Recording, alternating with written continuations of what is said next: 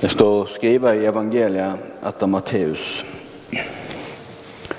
Så kom Jesus med læresveinene til en stad som heter Getsemane.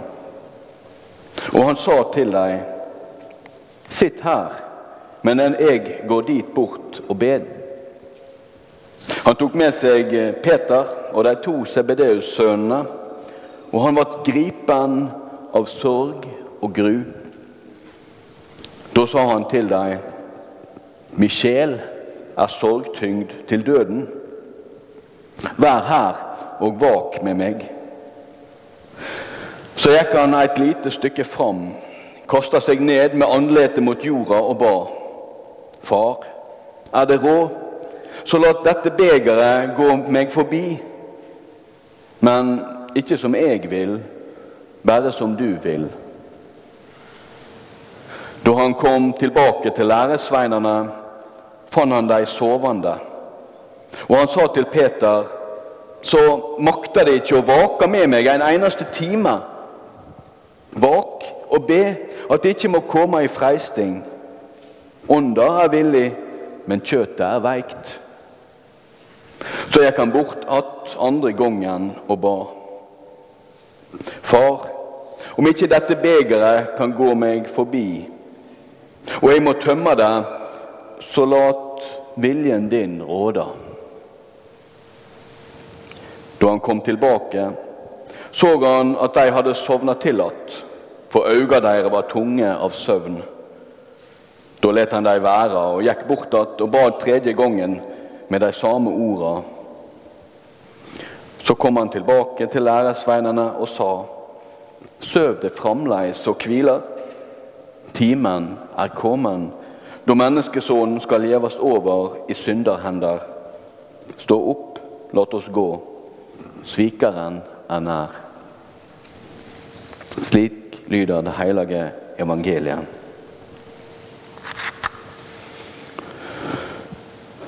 Da jeg var sju-åtte år gammel, opplevde jeg for første gang min mor som ustabil, på en måte. Ute av balanse. Hun hadde alltid vært min trygge og den gode som hadde full kontroll og hadde godt humør. Men så kom hun fra telefonen. Jeg husker en sånn grå telefon. Da hadde hun snakket med sin mor, min mormor, og hun hadde fått høre at min morfar var død. Jeg husker at jeg og min bror, som er tre år eldre, vi reagerte som barn. Vi tullet og tøyset. Vi skjønte ikke alvoret. Og min mor ble rasende sint. Og så gråt hun. Første gang, kanskje, at jeg husker at min mor gråt.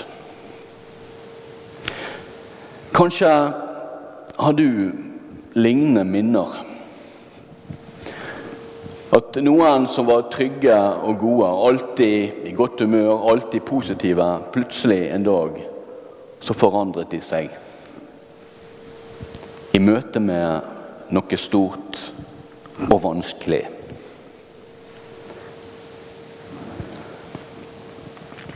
Kanskje er denne historien fra Getsemane nettopp en sånn fortelling for Jesus sine disipler.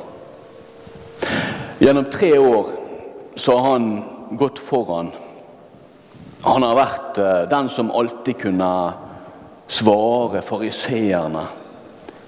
Den som i møte med sykdom og, og, og, vanskelige situasjoner kunne komme inn og helbrede med makt, med myndighet.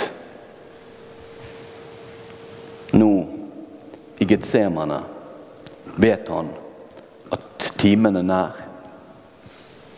Han skal møte korsfestelsen. Og han er utrolig redd. Han viser store følelser. Han virker som om at han er nesten så ustabil at han Han spør bare sine aller nærmeste kan ikke dere, kan ikke dere være her. Kan, ikke dere våke med meg? Ba, bare vær der. Jeg trenger noen som er der med meg. Og så klarer ikke de det.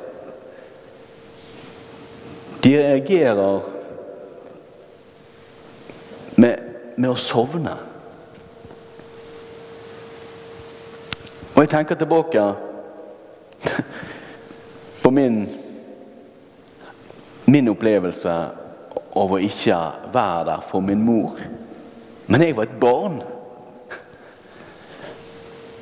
Så er disipler omtrent som barn. Skjønner ikke de? Fatter ikke de? Jesus trenger de. Nei, de sovner. Og vi vet videre i fortellingen at ikke bare sovner de fra han, de løper fra han.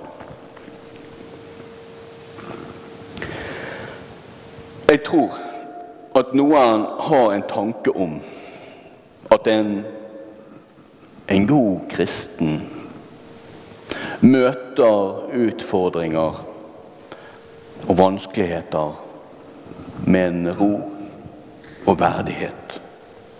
Med en trygghet, en visshet.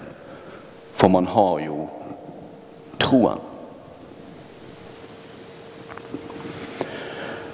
Dette er så feil som det kan få blitt. Jesus møter sin død, og han bryter fullstendig sammen. Han er så full av følelser som vi som noen mennesker kan føle. Og det forteller meg at vi kan òg gjøre det. Vi møter alle utfordringer. Vi møter alle tap og nederlag i våre liv. Og vi har lov til å bryte sammen. Vi har lov til å knekke. Vi har lov til å være mennesker med følelser, med svakhet, med behov for noen som våker med oss. For det er det Jesus spør om. Ikke så mye mer enn det. Kan dere våke og be med meg